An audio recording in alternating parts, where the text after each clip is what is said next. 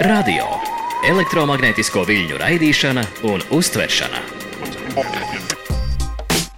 Vecums apdomā, jaunība uzdrošinās, ir teicis bengāļu rakstnieks un dzinieks Rabindranaths Tagore. Un to gadu gaitā lieliski ir pierādījuši un turpina pierādīt jauniešu raidījumu veidotāji. Pirms gadiem 20 kopā sanāca pāris jauniešu un vidusskolēni un izveidoja radiobumbu. Rīcības brīvība, veidojot sižetus, uzdrošināšanās darīt ko jaunu un pāri visam milzīgs azarts būt daļai no radio. Tāds bija šis jauniešu raidījums bet pirms septiņiem gadiem te piedzima jau vesels kanāls - Radio 5, kura zināmākais zīmols ir igadējais labdarības maratons Dot 5. Par savu sākumu šeit radio atcerēsies bijušie radiobumbieši Linda Rūle un Niks Volmārs un tagadējās Radio 5 balsis Toms Grēviņš un Magnus Seriņš.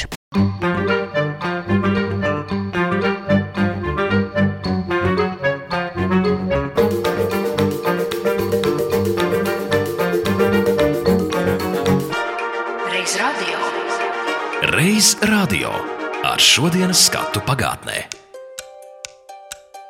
Skatoties uz jaunāko laiku vēsturi radio mājā, ir jāmin 1998. gada rudens, kad skanēja vairāki raidījumi bērniem, jauniešus interesējoša latviešu mūzika skanēja nesen dzimušajā Latvijas radio 2, bet nebija nekā tādiem, kas ierindojās vecuma grupā, pusauģi gados un jauni jaunieši. Un tad nu tolaik bērnu raidījumu raibā otrdienu un skaitāmā piekdienu veidotāji Kaspars Rūklis un Inta Ansāne pieaicināja talkā vēl dažus radioaktīvus jauniešus un vidusskolēnus un nolēma, ka ir jāveido savai mērķa auditorijai domāts raidījums. Pirmais šī raidījuma nosaukums bija Akadēmiskā pankūka, un viena no pirmajām šī raidījuma veidotājām bija toreiz 9. klases skolniece Linda Rulle, kura tagad darbojas Informācijas tehnoloģiju korporācijā. Radio vispār es nonācu sākotnēji, man liekas, uz raidījumiem, kas bija bērnu raidījumi. Piezīmēja Kasparam, pateica, ka man nepatīk, kā viņš to dara. Un Kasparam uh, maz kas zvanīja, un viņam nebija ko aicināt raidījumu no mazajiem. Un viņš izdomāja, ka man tomēr jāuzaicina, jo, ja es tā runāju, man nepatīk. Nu, tad viņš man arī uzaicināja. Tā kā es runāju daudz, tad viņš saprata, ka man jāaicina vēl kādreiz, un tā es arī te paliku. Es esmu rokkzvaigzne. Rokstārs. Brennan 3000. Uz austiņām uhā skan. Jā, jā, jā, jāpieliek klāt paziņojums uz albumu vāciņa klausīties stereo. Tas ir arī nevar būt tā, ka ir divas stundas blakus, ir jābūt katrai savā istabas pusē, un tev jābūt pa vidu. Nevelti diskauzes ir izdots arī jaunajā audio formātā, DVD audio, kurš gan man liekas Latvijā vēl tik pēc kādiem gadiem mājās eh, skandēs kaut kur. Nu, nevaram mēs maksāt 20, 30 latus par vienu mūzikas albumu. Tā nu tas ir. Nevaram jau bieži vien maksāt arī 10 un 11. Bet tagad jau maksājam 8, 7, 6 pat reizēm. Jā, Par latviešu diskiem es taču nezinu, ka ir 6. Tu taču nezini. Jā. Labi. Tā Linda Rūle un tagadējais Radio 5 programmu vadītājs Toms Grēviņš izklausījās 2001. gadā. Bet vēl viens no kuplā un darboties augstošo jauniešu pulka pionieriem 90. gadu nogalē bija Niks Volmārs, tagadējais producentu apvienības Hansa Medija pārstāvis. Man liekas, tā doma vai tikai nebija tāda, ka tagad top tas akadēmiskā pankūka jauniešu redzējums, trūkst vēl kaut kādi jaunieši, kuri nekautrētos paņemt rokās mikrofonus, iet uz ielas un taisīt ielu intervijas, kas likās šausmīgi gana grūts uh, izaicinājums, tāpēc ka Tu esi jauns, tu varbūt esi bijis kautrīgs, nobijies, tev ir vienkārši jāiziet uz ielas ar tādu milzīgu vecmodīgu kasti to laiku vēl, un tev ir jāiet klāt pilnīgi nepazīstamiem cilvēkiem, jāuzdod visādi jautājumi, un tajā brīdī vēl pats trakākais ir, ka tev ir jāsaka, es esmu no Latvijas rādio. Tas jau skan tā, it kā cienījami. Tad tie tu saki- pārējie nobīstās. Un, jā, un tad tu saki no raidījuma akadēmiskā pankūka. Ak, Dievs, kas tas par nosaukumu? Nu, tur ir zināma drosme vajadzīga. Plus, es saprotu, ka īstenībā tas ir viens no tādiem žurnālistiskiem, tādiem tiešām grūtiem izaicinājumiem. Taisīt tās ielu intervijas, ka te ir klāt pilnīgi nepazīstamiem cilvēkiem. Tas īstenībā tev ir kā jaunietim jāuzdrošinās. Es atceros, ka tu taču atnāci sākumā ar visādām idejām par Eiropas Savienībām, ielu bērniem un citām nopietnām tēmām, kuras tajā brīdī mums jauniešiem likās diezgan uh, aizraujoši nopietnas. Raidījums Radio Bumba - mūsdienīgi un attraktīvi. Labu vakar, kā vienmēr šajā laikā tev saka jauniešu raidījums Radio Bumba. Šovakar ar tevi kopā Niks Valmārs un Signija Miltiņa, un tad darētu noskaidrot, kas šovakar būs radio bumbā. Vai tas ir smags gadījums, kad tava mamma tajā pašā laikā ir arī tava skolotāja?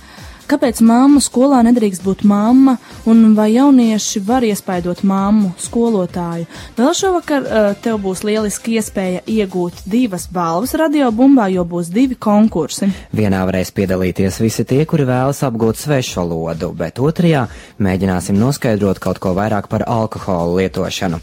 Bet runājot par alkoholu, jāpiebilst, ka tā patēriņš jaunatnes vidū palielinās. Radiobumbā dzirdēsi sarunu ar kādu meiteni, kura gan dzēra, gan smēķēja, bet pirms kāda laika atmeta šos ieradumus. Kāda bija citu cilvēku attieksme un vai viegli to izdarīt, par to tad sarunā. Bet sākam ar Nika sagatavotajām izziņām.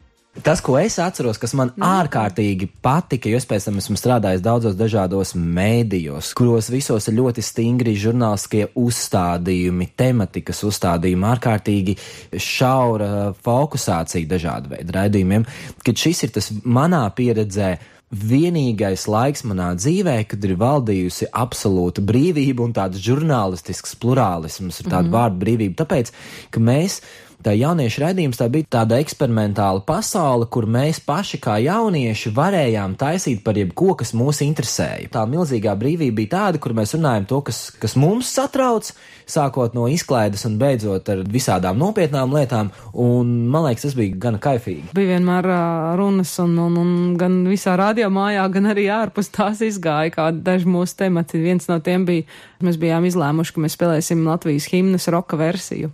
Protams, ka Latvijas radio auditorija nebija sajūsmā par to un zvanīja uz streipa brīvā mikrofonu to laiku un teica, ka nu, būs briesmas un, un spēlēs roka himnu. Un, Tad mēs bijām uztaisījuši diezgan labu materiālu. Es atceros analītiski, tur mēs bijām visādas viedokļas savākuši par šo lietu, sākot ar ārlietu ministru, man liekas, un beidzot ar mūziķiem un, un visu citu. Un, un diezgan labi tas izskanēja beigās.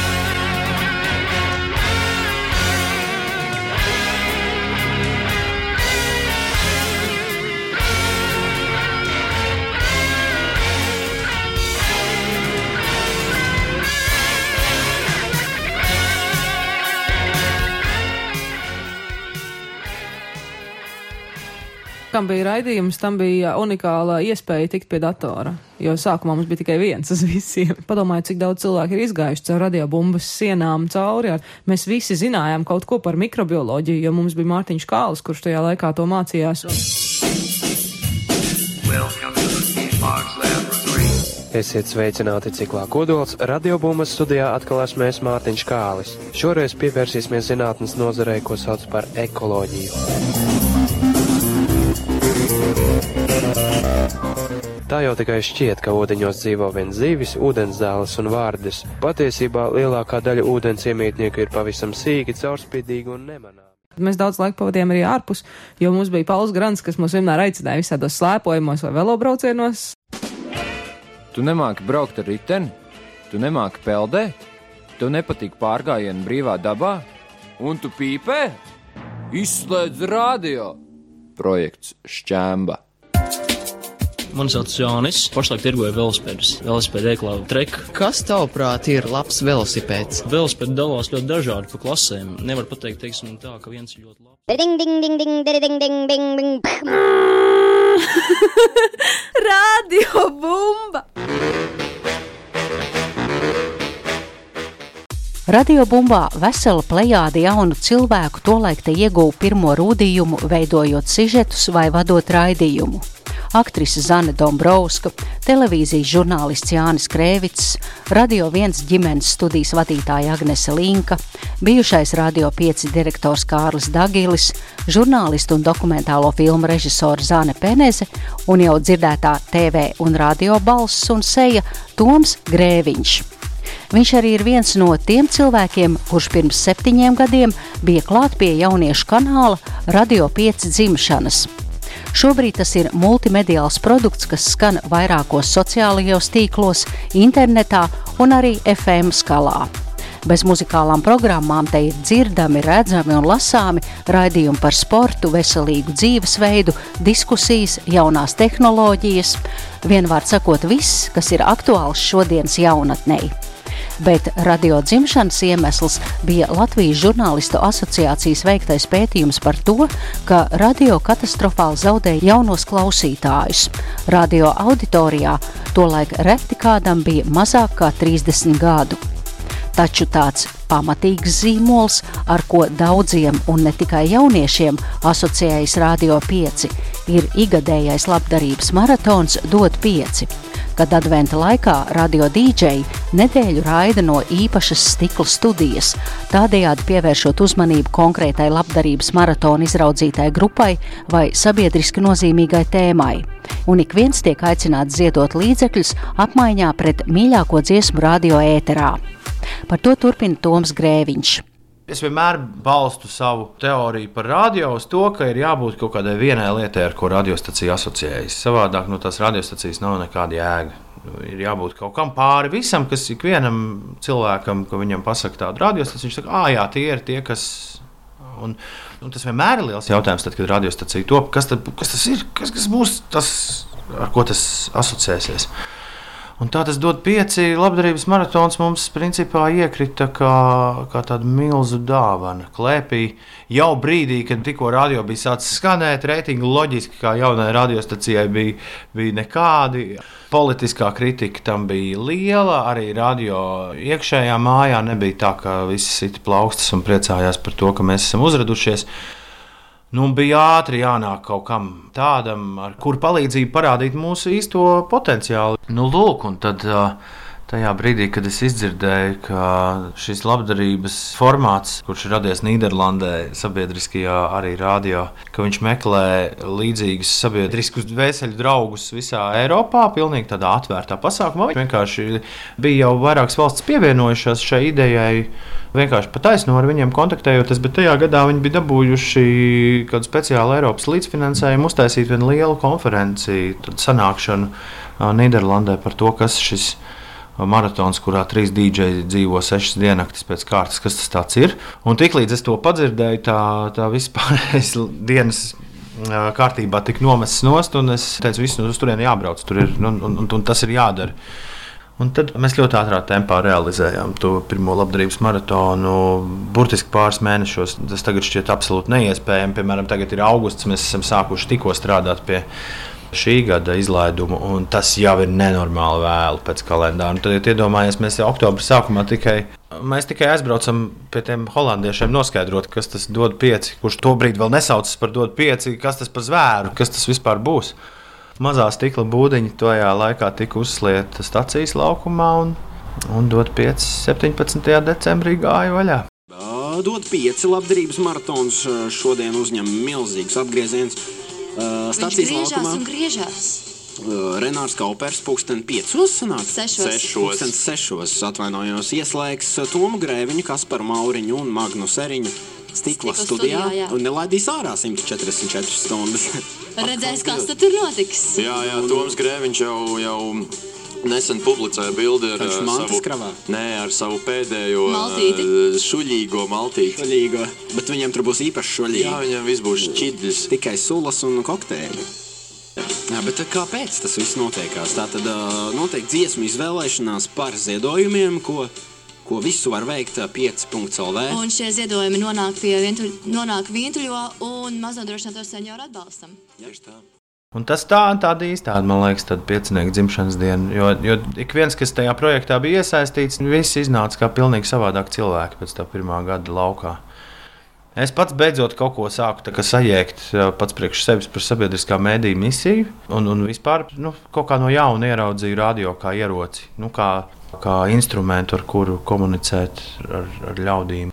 Vēl ļoti smieklīgs stāsts, ko es vienmēr atsaucu atmiņā, ka mēs viņu kādas četras reizes sacēlām. Un tās pašas četras reizes pēc kādas diennakts viņš tika atkal atjaunots. Tad pēkšņi izrādās, ka nevar šito izdarīt. Vai, bet tad izrādās, ka to var izdarīt. Tad izrādās, ka neviens nav izmērījis, vai centrālās stācijas laukumā vispār var uzlikt tādu smagumu virsū, jo tur izrādās apakšā ir autostāvvieta. Es maz nezināju. Tur apakšā ir autostāvvieta, tas viss var iebrukt. Tad tur tiek mērīts, tas, tas, nē, bet tomēr var, tad, tad var, tagad, tagad būs. Nu, tad, apmēram tā, es nācu arī mājās pie sievas, teicu, nē, nu, viss, tomēr šis pasākums nenotiks. Un pēc nākamajā dienā saka, zini, ka tomēr atceļam tās pāris lietas, kas mums tur bija pirms Ziemassvētkiem domāts, jo atkal notiks. Un tā tas līdz pat pēdējiem brīdim bija tāds, vai tiešām tas notika, kas tas būs, ko mēs darīsim. Divas dienas līdz Ziemassvētkiem, nepilna diennakts līdz mirklim, kad stikla studijas durvis atvērsies. Un tad jau pavisam, pavisam drīz arī pats stikla studija pazudīs. Tā it kā it nekas nebūtu bijis. Bet labie darbi, mūsu visu kopīgie labie darbi paliks. Un tas šajā gadījumā ir pats svarīgākais. 54,371 eiro. Saziedot līdz šim. Reiz radio. Tāpat kā savulaik radiobumbā, tā arī Radio 5 savu darbu sāka tolaik ļoti jauni un ļoti nepieredzējuši radiodarbā jaunieši. Radiostacija sāka ar virkni ļoti, ļoti jaunām radiobalsīm, kuras iepriekš cilvēki nebija zinājuši. Tas arī toreiz izpelnījās lielu kritiku. Nu, kas tad tā pilns ar zaļknābiem? Bet uh, lielākā daļa no šiem zaļknābiem ir izauguši par atzīstamām TV sejām, par lieliskiem dīdžiem, ballītēs un gal galā par lieliskiem piecēlē ēteru cilvēkiem. Tagad tādiem nākamajiem gadiem, līdz mūsu desmitgadē, es domāju, tas mūsu svarīgākais virziens ir tomēr turpināt strādāt ar, ar pašiem jaunākajiem radioentuziastiem. Tieši viņu vidū meklēt nākamos eriņus, grēviņus, vilciņus, wolfiņus un tā tālāk. Viens tāds toreizējais zaļknābis, tagad zināma radiobalss, ir Magnus Seriņš, kurš te darbojas kopš Radio 5 pirmsākumiem. Es biju viens no tiem cilvēkiem, kas piedalījās konkursā, ko mēs visi varējām atrast Facebook. Tur bija jāizdara pāris uzdevumi. Bija jāuzraksta motivācijas vēstule, protams, un CV jāatsūta. Un tad bija arī radošie uzdevumi. Mums bija jāizstāsta par saviem desmit mīļākajiem albumiem, mūzikas vēsturē, popmūzikas vēsturē. Bija jāuzskaita desmit mīļākās dziesmas. Es saprotu, ka tas bija kā, tā kā tāds uh, atsijāšanas rīks, vai cilvēkam ir kaut kāda izpratne par mūziku vai nē. Tajā konkursā bija arī vairāki praktiskie uzdevumi. Man bija jāieraksta divu minūšu garš teksts, kurā es nepārtraukti runāju un stāstu kaut ko sakarīgu par kādu savu ceļojumu vai par kādu pieredzi. Tad vēl bija mums jāpiesaka un jāatsaka dziesma. Vēl bija jāmēģina atdarināt interaktivitāti ar klausītājiem. Mirkļos, kad tu esi kaut ko pateicis, pieņemsim, to pienāk īsiņa vai kāds Twitterī kādu tvītu ierakstu, kā tu to nolasi, kā tu to piesaki ētrā. Šie bija tādi uzdevumi, ar ko mums bija jāsāk. Ejot cauri šim, es saņēmu e-pastu, ka man ir jāierodas tikos un tikos domu laukumā astoņi. Man, protams, trīs kājas, un es skatos apkārt daudz citu jauniešu. Es īsti nezinu, cik pieteicās toreiz uz konkursu, bet es saprotu, ka konkurence bija sīva. Tad uh, viss lielais jauniešu bars tika uzgrūsts Artim Wolfam. Arts Volfs bija tas cilvēks, kurš parādīja, kā pogas strādā pultī, pastāstīja, ko nevar teikt, ko var mēģināt teikt. Sākumā mēs ēteru atdarinājām, ierakstījām visu, to neviens nedzirdēja, tikai mēs. Un, ja tu biji gana labs, tad tev bija pirmās iespējas to naktī iziet ēterā. Un pēc pirmās reizes, kad es satiku Wolfu, viņš man teica, tā, Magnus, ar tevi viss ir kārtībā, divos naktī ej gaisā. Es nezinu, vai es te būšu, bet piespiedu to, es tev jau rādīju, viss ir pierakstīts, aiziet. Un kā šobaldien atceros, savas trīcošās kājas patiesībā pirmo reizi, pašu pirmo reizi izējot radio ēterā. Man nekad dzīvē nebija tā trīcējušas kājas kā to nakti. Un jāatzīst, es ļoti spilgti atceros vienu no pirmajām mācībām no vecākiem kolēģiem, ko es esmu saņēmis šeit. Viens no mūsu šoferiem, Andris. Šoferis Andris Palējs. Jā, viņš. Mēs braucām ar Latvijas radio kultūras raidījumu Rondo kolēģiem uz Daugopilī studentu dziesmu svētkiem Gaudāmus. Mums bija jāraida, tā bija mana pirmā izbraukuma tiešraide. Un pēc tam mēs atbraucam uz Rīgu, un viņš man saka, tā, Magnus, es tev iedošu vienu ļoti vērtīgu pamācību, lai viss būtu ar tevi kārtībā. tu pazīsti to cilvēku vai nepazīsti to cilvēku radio mājā, sveicini. Sveicini vienreiz, sveicini otro reizi, sveicini trešo reizi. Nu, kopš tā laika es vienmēr ikvienu cilvēku, ko es satieku, es pasveicinu. Un, ja man kāds jauns cilvēks kādreiz kaut ko vaicās par radio, kurš būs tikko ienācis iekšā un sāks strādāt, tā būs viena lieta, ko es nodošu noteikti tālāk. Jo es saprotu, cik ļoti grūti ir ienākt kolektīvā, kas pats par sevi ir pastāvīgs, kur visi vairāk vai mazāk zina viens otru. Nu, tad pēkšņi ir jauns kanāls, kur ir daudz jauniešu ar fantastiskām idejām, ar, ar, ar milzīgiem apgriezieniem. Es, es apmēram nojaušu, kāda ir sajūta tiem, kuriem viss ir skaidrs, viss ir kārtībā. Man, man jāatzīst, ka es sākumā pat biju nedaudz nobijies no visiem. Man liekas, ka uz manis skatās tā kā uz svešo, bet pēc pirmā dot pieci. Es saprotu, cik ātri mainās cilvēki un cik ātri saprotu to, ko tu dari, ko tu gribi darīt, un, un cik tas patiesībā ir svarīgi tāds kolēģi atbalsts kopš pirmā dot pieci ir nu, neizsakām liels. To es varu teikt, ko es esmu jā, saņēmis šeit, radiomājā. Jā. Kā tu varētu raksturot tavus klausītājus? Ko viņi prasa, ko viņi raksta, ko viņi saka? Mani klausītāji patiesībā tie, kas ir izvēlējušies šobrīd klausīties raidījumu 5 brauc, kurā es esmu raidījuma vadītājs, mani klausītāji ir ļoti prasīgi muzikāli. Es esmu parādījis to virzienu, kāds man pašam šķiet uh, patīkams.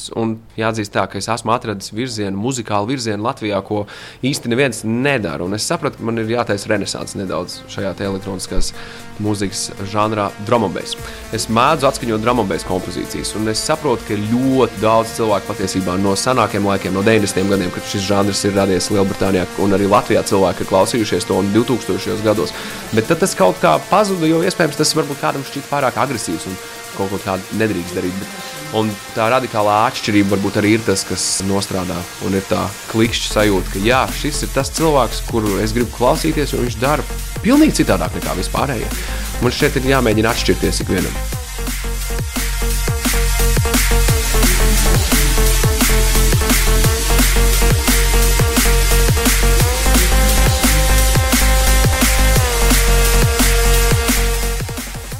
Izskan kārtējais Latvijas radio vēstures raidījums, un šoreiz atskatījāmies uz jauniešu raidījumiem, un to pašu arī darīsim pēc nedēļas, kad kāpsimies atpakaļ vēl tālāk vēsturē.